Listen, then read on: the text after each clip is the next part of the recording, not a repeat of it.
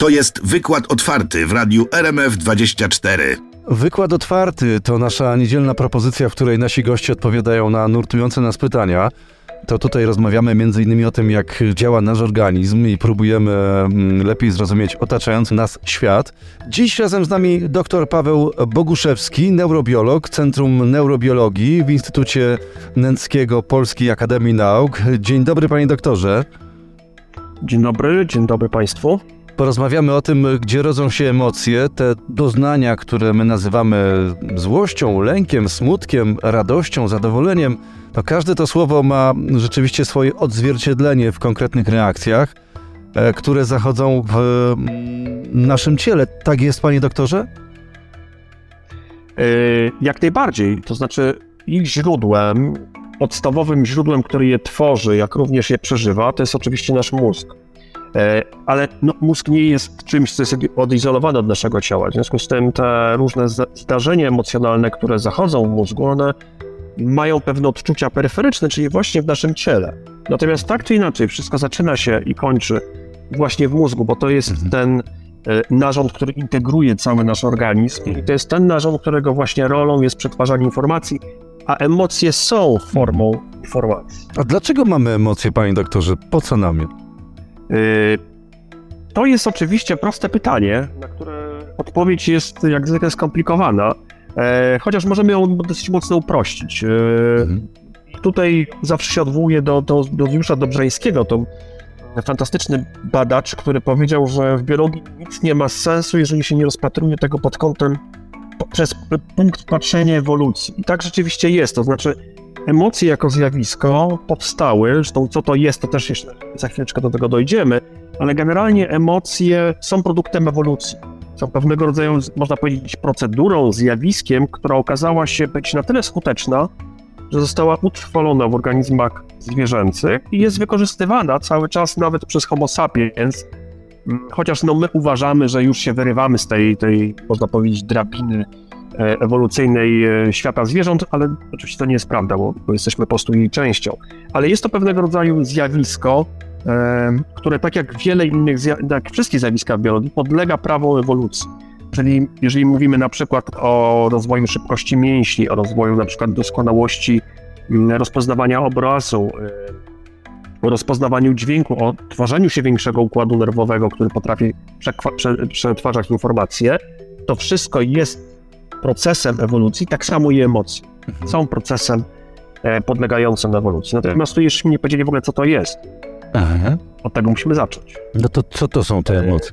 No i tu jest oczywiście jeszcze większy problem, ponieważ e, mm, to Joseph Ledoux powiedział, że emocje każdy wie, co to jest, dopóki nie poprosi się go, żeby je zdefiniował.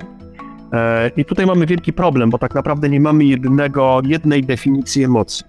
E, ja jestem zwolennikiem takiego twierdzenia, że jest to pewnego rodzaju zjawisko, znaczy pojęcie parasolowe. To mhm. znaczy, e, kiedy mamy taki coś, że ok, no nie wiem jak zdefiniować emocje, ale pokaż mi jakieś zjawisko. Ja powiem, to ono jest zjawiskiem emocjonalnym, czy nieemocjonalnym. Ktoś rozwiązuje ktoś na zimno zadanie matematyczne, no to uznajemy, ok, to nie jest zjawisko związane z emocjami. Ktoś się wścieka, bo mu się zepsuł samochód i kopie go z całej siły w opony, no to ewidentnie jest to zjawisko emocjonalne. Ale gdybyśmy mieli właśnie wyciągnąć pewną definicję, jest problem, ponieważ jest to takie zwane zjawisko parasolowe, to znaczy wiele różnych e, zjawisk zaczęliśmy zaliczać do emocji, mhm. od tak prostych jak na przykład lęk przed drapieżnikiem, mm, czy lęk przed bólem, do tak złożonych jak e, przeżywanie na przykład przyjemności przy obcowaniu ze sztuką.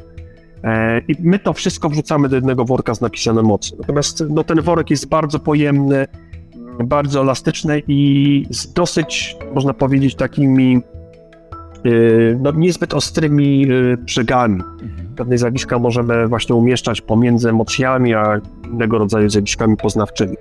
Także tutaj, jeżeli nie podaję jednej definicji emocji, to tylko dlatego, że po prostu jednej takiej definicji y, nie ma. Mhm. Panie doktorze, a te emocje, pan już wspominał o tym też trochę, e, nie są też zarezerwowane tylko i wyłącznie dla ludzi. Zwierzęta też te emocje potrafią wyrażać? Oczywiście, oczywiście, jak najbardziej. Tutaj dochodzimy troszeczkę do takiego e, właśnie do, do zjawiska zagadnienia tak zwanych emocji podstawowych. Właśnie to jest coś, co jako mnie badacza interesowało, czy możemy mm, wydobyć jakieś takie bardzo podstawowe elementy, albo powiedzieć o jakichś bardzo wspólnych mm, emocjach u, właśnie u ludzi i zwierząt. Mm, I próba znalezienia takiego podstawowego zestawu emocji, takiego jakby rozdzielenia je na takie barwy podstawowe. Tak? Wiemy, że mamy trzy rodzaje e, czopków, one odpowiadają za trzy długości fali świetlnej. Cały barwny świat, który widzimy, składa się tylko i wyłącznie z tych trzech, e, trzech rodzajów e, detektorów świetlnych, no, u niektórych ludzi czterech. Mhm. E, natomiast e, w przypadku emocji no czegoś takiego tak łatwo nie możemy wydobyć. Znaczy, to, co na pewno jest podstawową taką osią działania i ludzi, i zwierząt, to jest taka oś e, dążenia do unikania pewnych bodźców. To jest dokładnie oś, która jest związana z przyjemnością, czyli to, co jest dla nas dobre w życiu. I tutaj oczywiście duży taki, można powiedzieć, cudzysłów, niekoniecznie dobre dla nas jako dla jednostki, bo ewolucja działa na poziomie grupy. Nawet może nie gatunku, tylko podgrupy z tego gatunku. E, to jest to, co nam sprawiać przyjemność. E, natomiast to, czego mamy unikać, to jest coś, czego mamy się bać. Więc ta podstawowa oś, właśnie lęk, e, przyjemność, to jest to, co możemy zdefiniować jako najbardziej podstawową osią e, emocjonalną. I to widzimy u wszystkich ssaków, widzimy to u ptaków, jest to obecne też u gadów, mm, a także u innych zwierząt, chociażby też i ryb. Także u większości zwierząt, czyli, czyli organizmów, które muszą, bo też oczywiście u bezskręgowców możemy obserwować dokładnie te same te same zjawiska, aczkolwiek bazują na, na trochę innych mechanizmach. U wszystkich tych właśnie zwierząt, które no, tym się różnią od roślin, że zmieniają swoją, można powiedzieć, lokalizację, muszą znaleźć pokarm, czy to jest pokarm zwierzęcy, czy, czy, czy pokarm mm, roślinny, muszą uciec przed drapieżnikami, no tam właśnie możemy zobaczyć takie albo bardzo proste, albo już bardzo złożone mm, mechanizmy emocjonalne. A w przypadku ludzi oczywiście no to nakłada się złożoność naszego układu nerwowego, Yy, dochodzą, można powiedzieć, kolejne warstwy, ale nadal tam na dole siedzi ta podstawowa oś. Przyjemność, lęk, mhm. ucieczka, dążenie do. Mhm. Yy, panie doktorze, yy, pan już też wspominał o tym, że mm, siedliskiem emocji mm, jest nasz mózg. A co z sercem, które często jest wskazywane jako źródło chociażby no, uczuć? Nie, niestety nie. znaczy, no, no to tutaj to błąd y, oczywiście jest, jest stary jak, y, jak, jak nauka, można powiedzieć, ponieważ y, takim no, błędem było obarczone chociażby myślenie Arystotelesa, który właśnie uznał, że to najważniejszym tym naszym narządem jest właśnie serce, bo ono jest takie mhm. ciepłe, wypełnione krwią, ono właśnie zaczyna, jak się zakochamy, to zaczyna bić szybciej, jak tak. się przestraszymy, to zamiera, mhm. a ten mózg nie jest ciekawy, jest jakiś taki zimny, kleisty, no, nic ciekawego, tak? Więc Arystoteles, pomimo tego, że był tak naprawdę ojcem współczesnej nauki, mm, to on y, tutaj właśnie stawiał obserwacje ponad, y, obserwacje biologii ponad y, takie wnioskowanie, można powiedzieć, filozoficzne, mm, no jednak po, zrobił ten podstawowy błąd. No, no my wiemy, że tutaj to się wszystko zaczyna w mózgu. Mhm.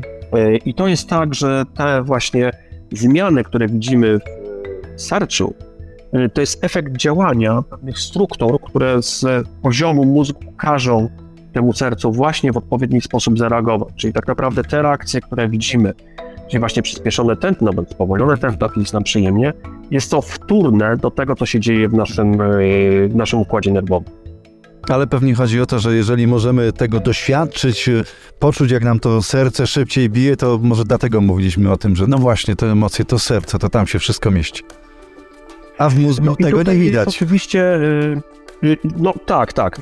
My jesteśmy tym mózgiem, więc to jest pewnego rodzaju taki dosyć dziwny układ. Natomiast co do tego serca, to jest tak, że to też jest, można powiedzieć, taki układ, który działa w dwie strony. Znaczy, Aha. oczywiście to nasz mózg każe przyspieszyć tak. sercu i ta praca rzeczywiście Y, wtedy jest, jest szybsza, Aha. natomiast nasze ciało też jest monitorowane przez nasz mózg. I w tym momencie, jeżeli na przykład my sztucznie, fizjologicznie wywołamy pewne e, zmiany w naszym ciele, to nasz mózg może też na nie zareagować właśnie zmianami emocjonalnymi. Mhm. E, dlatego na przykład e, możemy się próbować troszeczkę uspokoić, na przykład uspokajając oddech.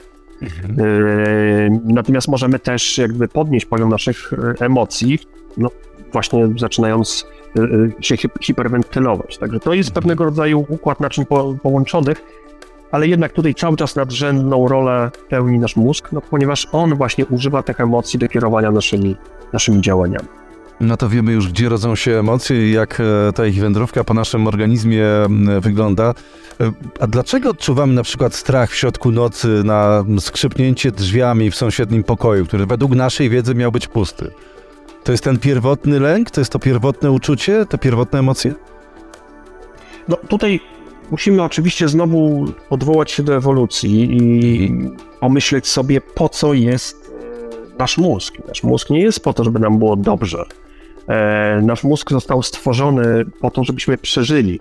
E, lęk został stworzony po to, żebyśmy przeżyli. No i tutaj w tym momencie ten paniczny lęk przed jakimś skrzypnięciem, czyli lęk przed pewnego rodzaju bodźcem, który nie jest adekwatny, mm, z punktu widzenia ewolucji jest korzystny, lepiej 100 razy uciec przed nieistniejącym mhm. bodźcem, niż raz nie uciec przed prawdziwym zagrożeniem. W związku z tym ten układ, który, który mamy, układ e, właśnie emocjonalny, on jest nadwrażliwy. On ma działać mm, nadpobudliwie, no i to jest przyczyna różnego rodzaju naszych e, problemów z tym układem emocjonalnym, ponieważ niestety właśnie zaburzenia lękowe e, to jest pewnego rodzaju pochodna tego, że ten układ ewolucyjnie przez w przypadku Homo sapiens, no nie wiem, 200 tysięcy lat, w przypadku ogólnie zwierząt, no przez miliony lat, był ustawiony po to, żeby nam zapewnić przeżycie, czyli że powinien być nadwrażliwy, reagować e, na każdy cień, nawet zagrożenia, Aha. E, ponieważ jest to z punktu widzenia jednostki bezpieczniejszy niż raz przegapić e, tak. zagrożenie. Dlatego mhm. właśnie tak reagujemy. A te zaburzenia lękowe, o których pan doktor wspominał, to wynika właśnie też z ewolucji, że teraz my mieszkamy w bezpiecznych domach, jesteśmy, podróżujemy bezpieczną komunikacją, nie musimy się oglądać za siebie, czy jakieś zwierzę nas goni i przez to zaczynamy tak reagować nerwowo, chorobliwie wręcz? To znaczy tak, co do samego zjawiska tego, że teraz żyjemy w cywilizacji, nie mamy bodźców i w związku z tym te bodźce same się w jakiś sposób nakręcają, mhm.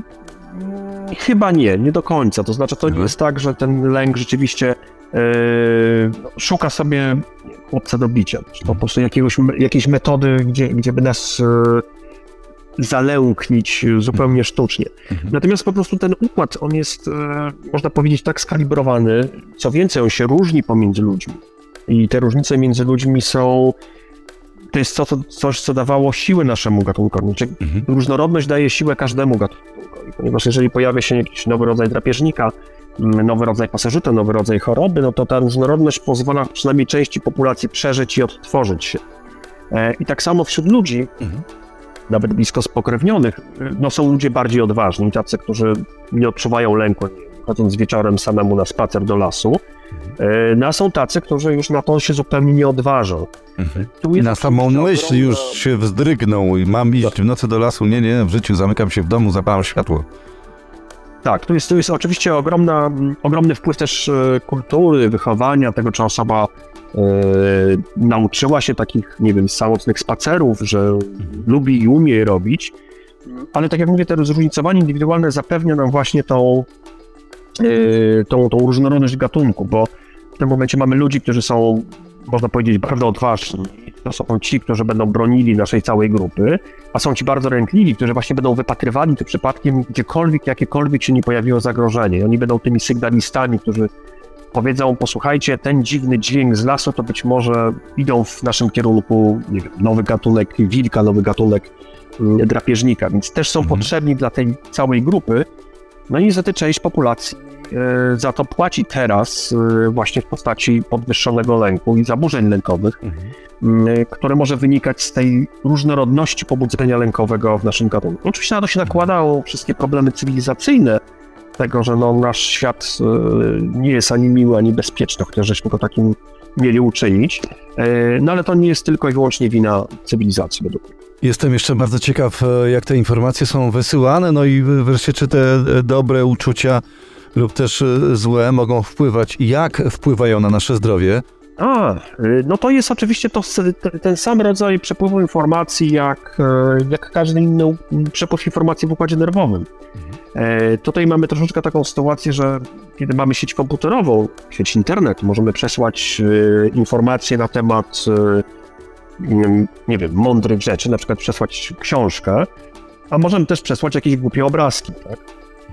Y, To są dwa różne formaty, można powiedzieć, informacji, dwa różne formaty danych. Różnią się wagą, różnią się znaczeniem, ale jeżeli popatrzymy sobie na taki fizyczny przepływ, no to jest to tylko i wyłącznie zera jedynki e, w kablu bądź e, w światłowodzie. I podobnie jest w przypadku układu nerwowego, to znaczy nasz układ, który funkcjonuje poznawczo, to znaczy tak, żebyśmy mogli widzieć, słyszeć, poruszać się, komunikować, e, używa impulsów elektrycznych i chemicznych, które się e, propagują po neuronach i chemiczne, które właśnie przeskakują pomiędzy neuronami. I dokładnie układ emocjonalny działa w ten sam sposób. Mm, Co więcej, te układy są bardzo ze sobą splątane, ponieważ e, gdy popatrzymy sobie na e, taki układ reagujący na bodźce wzrokowe, to znaczy widzę coś kątem oka, co przemknęło się gdzieś tam e, e, na granicy mojego pola widzenia i od razu mam podniesiony taki, można powiedzieć, alert, tak? Skąd to się bierze? No to jest dokładnie te same, ta sama siatkówka, ten sam układ wzrokowy, który służy do rozpoznania tego, co widzę. E, Tylko, że ten sygnał, on zanim jeszcze trafi do kory wzrokowej, zanim jeszcze zacznie być obrabiany w sposób nieświadomy, po to, żeby potem mojej świadomości pokazać, ok, to co tam przyleciało bokiem, to jest po prostu piłka, która Mhm. komuś uciekła, to jeszcze zanim on trafi do tej kory wzrokowej, to on przechodzi przez takie głębsze struktury, e, głębsze fizycznie, to znaczy są niżej położone w głębiej w, naszym mózgu.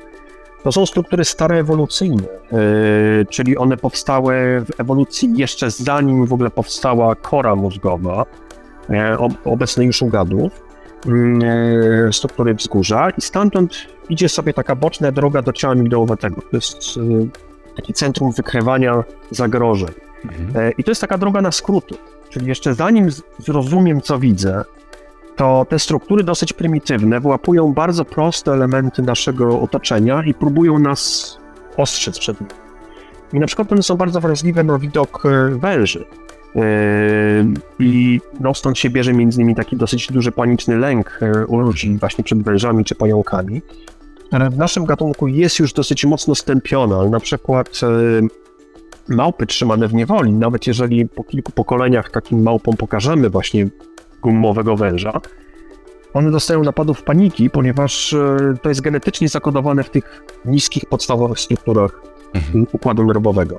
E, I dokładnie impulsy, które biegną, to są te same impulsy, które potem biegną w tych wyższych piętrach, które mówią nam, co widzimy, czyli przypadku, kiedy człowiek widzi węża, no to e, jest ten pierwszy, można im, ten pierwszy impuls taki prze, przerażenia, Mhm. E, Każde troszeczkę się wzdrygnie na widok z nienacka zobaczonego gada, w szczególności kiedy się nie spodziewał, no ale potem przychodzi ten, można powiedzieć, mózg górny, który mówi, posłuchaj, nie musisz się bać, bo tu jest, to jest, e, nie wiem, terrarium, wąż, wąż jest za szybą, co więcej, więc co to jest za gatunek i on nie jest jadowity. E, Ale to wszystko są te same impulsy, tak jak no, sieć internetowa wykorzystuje impulsy elektryczne, mm, i świetlne, tak samo właśnie mózg wykorzystuje chemiczne i elektryczne, zarówno do rzeczy poznawczych, jak i, za, jak i rzeczy emocjonalnych. To ja te węże też mam gdzieś głęboko genetycznie mm, zakodowane, panie doktorze. Słuchacie wykładu otwartego wraz z doktorem Pawłem Boguszewskim. Rozmawiamy o emocjach. Czy mogą one być zapamiętane i przechowywane w różnych częściach ciała? Możemy na przykład pamiętać miły dotyk y, dłoni albo jakieś traumatyczne, bolesne wręcz doświadczenie. Wszystkie nasze mm, doświadczenia emocjonalne, w szczególności emocjonalne, to jest to, co zapamiętujemy dużo lepiej. Chyba, że one przekroczą pewien próg, kiedy już te emocje potrafią wyłączyć y, nasz aparat zapamiętywania, kiedy przekroczymy pewien, można powiedzieć, próg przerażenia i po prostu on się włączy taka amnezja. Natomiast generalnie emocje to jest coś, co nam pozwala lepiej zapamiętywać. E, Natomiast co do tego samego tej treści, Mhm. czyli zapamiętywanie miłego dotyku, zapamiętywanie nowych, przyjemnych bodźców, to wszystko jest w mózgu. To znaczy, to jest oczywiście coś, co my mamy pewnego rodzaju, odczuwamy manifestacje w naszym ciele, I rzeczywiście, jeżeli mówimy sobie na przykład o wyobrażeniu pewnych emocji, to jak można taką mapę ciała, że na przykład nam się robi ciepło w klatce piersiowej, kiedy nam coś powie ktoś coś miłego, e, kiedy jesteśmy przestraszeni, to czujemy, nie wiem, zimno w rękach, czy drętwienie na przykład w kończynach, e, ale to wszystko i tak jest, e, no dzieje się w naszym mózgu. To się może troszeczkę przekładać właśnie później wtórnie na to, że na przykład zmniejsza nam się krążenie w, w układzie właśnie na przykład w kończynach, czy na przykład poziom adrenaliny powoduje obkurczenie e, naczyń krwionośnych, ale same takie odczucia, e, no to one są tymi odczuciami, które przeżywa nasz mózg. Przeżywa je dokładnie w tych miejscach, w których on je czuje, czyli w momencie, kiedy na przykład e, mm, też akurat może nie związane z emocjami, tylko związane z, z ruchem, kiedy wyobrażamy sobie pewien na przykład powtarzamy sobie w pamięci kroki tańca, to w mózgu mamy taką specjalną, specjalny obszar, tak zwany obszar przedruchowy y, i taką dodatkową korę ruchową. To są takie obszary, które właśnie one przygotowują nasze ciało do ruchu i planują ten ruch. I one są aktywne zarówno wtedy, kiedy rzeczywiście coś chcemy zrobić, na przykład sięgamy po szklankę, e, ale też są aktywne wtedy, kiedy myślimy, że sięgamy po szklankę. E, co więcej, też one mogą być aktywne wtedy, kiedy widzimy, jak ktoś sięga po szklankę. To jest taka podgrupa neuronów lustrzanych, ale jak gdyby ich aktywność y, daje nam te właśnie te wrażenia e, wewnętrzne. I podobnie z emocjami, to znaczy te odczucia, które mamy i które pamiętamy jako emocjonalne, to są odczucia, które no, przeżywamy nie tyle w ciele, mm, ile, ile właśnie w naszym mózgu. Mhm. No ale potem przekłada się to na to, o czym pan doktor mówił, czyli na przykład e, przyjemne e, ciepło, dodam jeszcze jakieś motyle w brzuchu, na przykład na wspomnienie mm, ukochanej osoby. Panie doktorze, a czy emocje mogą wywołać w ciele mm, choroby albo też je zwalczyć? Bo mówi się często o tym, że na przykład stres nas zabija, a takie pozytywne patrzenie na świat y, odejmuje nam lat. E, to znaczy tak. E, tu znowu oczywiście mamy pojęcie choroby. Tak? No to, mhm. to jest bardzo szerokie. E, nie słyszałem, żeby komukolwiek na przykład odrosła odcięta noga, bo myślał pozytywnie. Tak, to się nie zdarza po prostu. E, natomiast e, jak najbardziej może mieć wpływ, mogą mieć wpływ emocje na nasze zdrowie, bo tutaj e, ten negatywny wpływ, czyli stres, jest czymś, co jest no, doskonale udokumentowane. Znaczy, nasz układ stresowy służy do tego, żeby zwiększyć możliwości organizmu w krótkim czasie. Tak? Czyli po to mamy ten układ obronny. Ten układ obronny na początku właśnie działa za pomocą układu autonomicznego, czyli pobudza nasz organizm do ucieczki, jest używana adrenalina, to jest już ten drugi etap i potem ten trzeci etap, kiedy trzeba rzeczywiście y, no, spiąć się na jakiś czas, no to jest używany kortyzol. No i kortyzol jest rzeczywiście fajny na krótki okres czasu, bo zwiększa metabolizm, e, powoduje no, takie właśnie zmiany, które mają nam zwiększyć wydolność, ale to jest oczywiście działanie na kredyt. Znaczy, jeżeli ten stres jest przeciągły, to niestety ten kortyzol zaczyna wyżywać nasze cenne zasoby. I wtedy się mogą pojawić e, choroby, ponieważ e, między innymi to, co jest e, wyłączane jako zbędny na krótki okres czasu, to jest właśnie układ immunologiczny. W związku z tym wtedy mogą wejść po pierwsze choroby no, zwykłe infekcyjne, mm, ale również może zwiększa się szansa choroby nowotworowej, ponieważ kiedy układ immunologiczny słabo działa, no to w tym momencie on nie ma szansy na wyłapanie samoczynnie tworzących się komórek nowotworowych.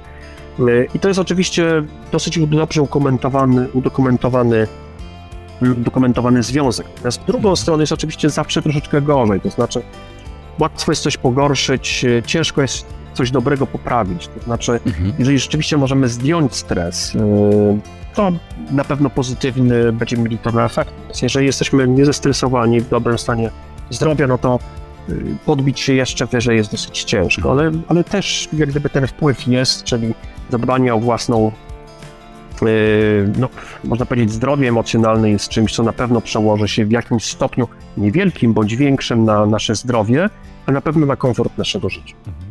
Na pewno o wiele lepiej się e, czujemy, no i o wiele przyjemniej patrzymy na, mm, na świat i bardziej optymistycznie. Panie doktorze, Emocje są mm, prawidłowo rozpoznawane na twarzach ludzi wszystkich kultur, ale mm, jednocześnie odczuwanie emocji nie jest uniwersalne. Niektórym no, łatwiej je ukryć. nie wszyscy ludzie reagują tak samo na ten sam bodziec. I teraz pytanie, dlaczego, panie doktorze, tak jest? No to jest ciekawe badanie, bo to są badania oczywiście Ekmana, dosyć stare, gdzie on starał się właśnie znaleźć te emocje podstawowe i taką wymyślił sobie metodę, że będzie badał oczywiście tylko nasz gatunek ludzki i szukał takich ekspresji emocji na twarzy, które będą wspólne kulturowo. To był bardzo fajny zamysł, Mhm. e, ponieważ e, jeżeli, no nie wiem, osoba pochodząca natywnie z Afryki potrafi rozpoznać emocje na twarzy na przykład e, Inuity, no to znaczy, że to jest wspólne gatunkowo, a nie narzucone kulturą. Bo możemy mieć też pewnego rodzaju gesty, czy na przykład mimikę, m, która jest wspólna dla pewnych kultur. No I Jemu się udało rzeczywiście znaleźć e, na początku sześć, potem e, skategoryzował to do siedmiu takich podstawowych emocji i to uznał jako taką uniwersalną ludzką e, mimikę. Zresztą też widzimy u zwierząt, no chociażby u naczelnych, że pewne wyrazy mimiki jesteśmy w stanie rozpoznać. Ale na to się nakłada ta nasza ogromna plastyczność. Jako gatunek jesteśmy ogromnie plastyczni i bardzo wiele rzeczy nie dyktuje nam już tylko i wyłącznie genetyka, aczkolwiek ona cały czas ma swój wpływ, ale właśnie to, jak jesteśmy kulturowo yy, utworzeni przez, przez, przez nasze grupy. No i ta elastyczność jest, jest bardzo duża, ponieważ e, e, ona właśnie może determinować to, w jaki sposób, jak, jak bardzo jesteśmy ekspresyjni, w jaki sposób, e, na ile pozwalamy sobie pokazywać te emocje.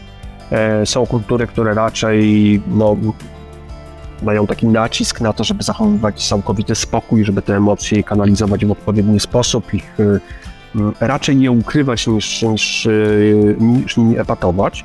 No są takie, które raczej właśnie bazują na takiej, można powiedzieć, spontanicznej epatacji, emanacji emocji. Mhm. Ale to raczej są oczywiście badania, które próbują wiązać na przykład wpływ genów, czy, czy są pewne geny związane właśnie z poziomem emocji, czy z ekspresją emocji, różne w różnych e, grupach etnicznych. Natomiast tutaj te badania są bardzo ciężkie, ponieważ tak jak ogólnie badania międzykulturowe, które zakładają właśnie próbę rozdzielenia tego, co jest związane z, nie, z podłożem genetycznym versus podłoże kulturowe, e, są bardzo trudne, to tu jest jeszcze ta trudność dodatkowa właśnie w postaci tych, kiepskiej do określenia, zdefiniowania e, emocjonalności. Mhm. Także to jest dosyć ciężkie, ciężki temat do badania, natomiast rzeczywiście występują pewne różnice e, międzykulturowe, tylko że tak jak mówię, tutaj zawieszę troszeczkę swój osąd, czy one wynikają tylko i wyłącznie z kultury, czy też wpływu kultury i genetyki. Mhm. A może też i geografii, no bo e, panie doktorze, te jedne nacje są, pan o tym wspominał, bardziej ekspresyjne, inne mniej. No na przykład Włosi czy Hiszpanie są postrzegani jako takie nacje bardzo ekspresyjne, a Skandynawowie już nie. Y, Tak, ale to oczywiście to, y, tutaj zawsze naukowiec każdy powie, że korelacja nie oznacza przyczynowości, więc tutaj to, czy to jest tak, że klimat spowodował, e, że taka, takie zjawisko wystąpiło, czy to jest tak naprawdę inny rodzaj mechanizmu, który podzielił tak ludzi na tych bardziej ekspresyjnych południowców i bardziej skrytych e, pół, północniaków, oczywiście mówimy to o naszej półkuli, no to to jest coś, co, co też wydaje mi się jest, e, no jest przedmiotem badań, ale jeszcze jak gdyby nie mamy tutaj jasnej, definitywnej no, odpowiedzi. Ale tak jak najbardziej, no tutaj ewidentnie korelacja tego typu zachodzi. Panie doktorze, czy można nauczyć się lepiej kontrolować emocje i jak ten organizm wtedy uczymy? Jak najbardziej, to znaczy wydaje mi się, że właśnie jedną z podstawowych, e, podstawowych elementów, który jest, e, można powiedzieć, taką kulturą e, i wychowaniem dzieci, to jest właśnie to, żeby kontrolować swoje emocje. E, I to oczywiście nie jest nakierowane na to, że te emocje mają być całkowicie zniesione, czy pod taką bardzo ścisłą kontrolą.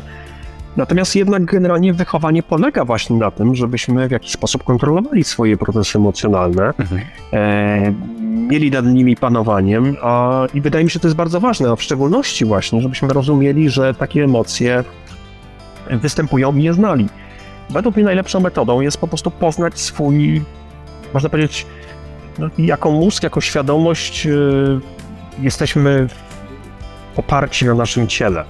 E, no dobrą rzeczą jest to, żebyśmy po prostu umieli używać tego ciała. E, jednym z, e, można powiedzieć, takich zdolności do tego używania to jest właśnie to, żebyśmy e, mogli kontrolować nasze emocje. Mhm. I samych tylko dobrych emocji, panie doktorze, sobie życzmy. Bardzo panu dziękuję za wykład otwarty w Radiu RMF24. Naszym gościem był pan dr Paweł Boguszewski, neurobiolog Centrum Neurobiologii w Instytucie Nęckiego Polskiej Akademii Nauk. Jeszcze raz serdecznie dziękuję, panie doktorze. Bardzo dziękuję, do usłyszenia.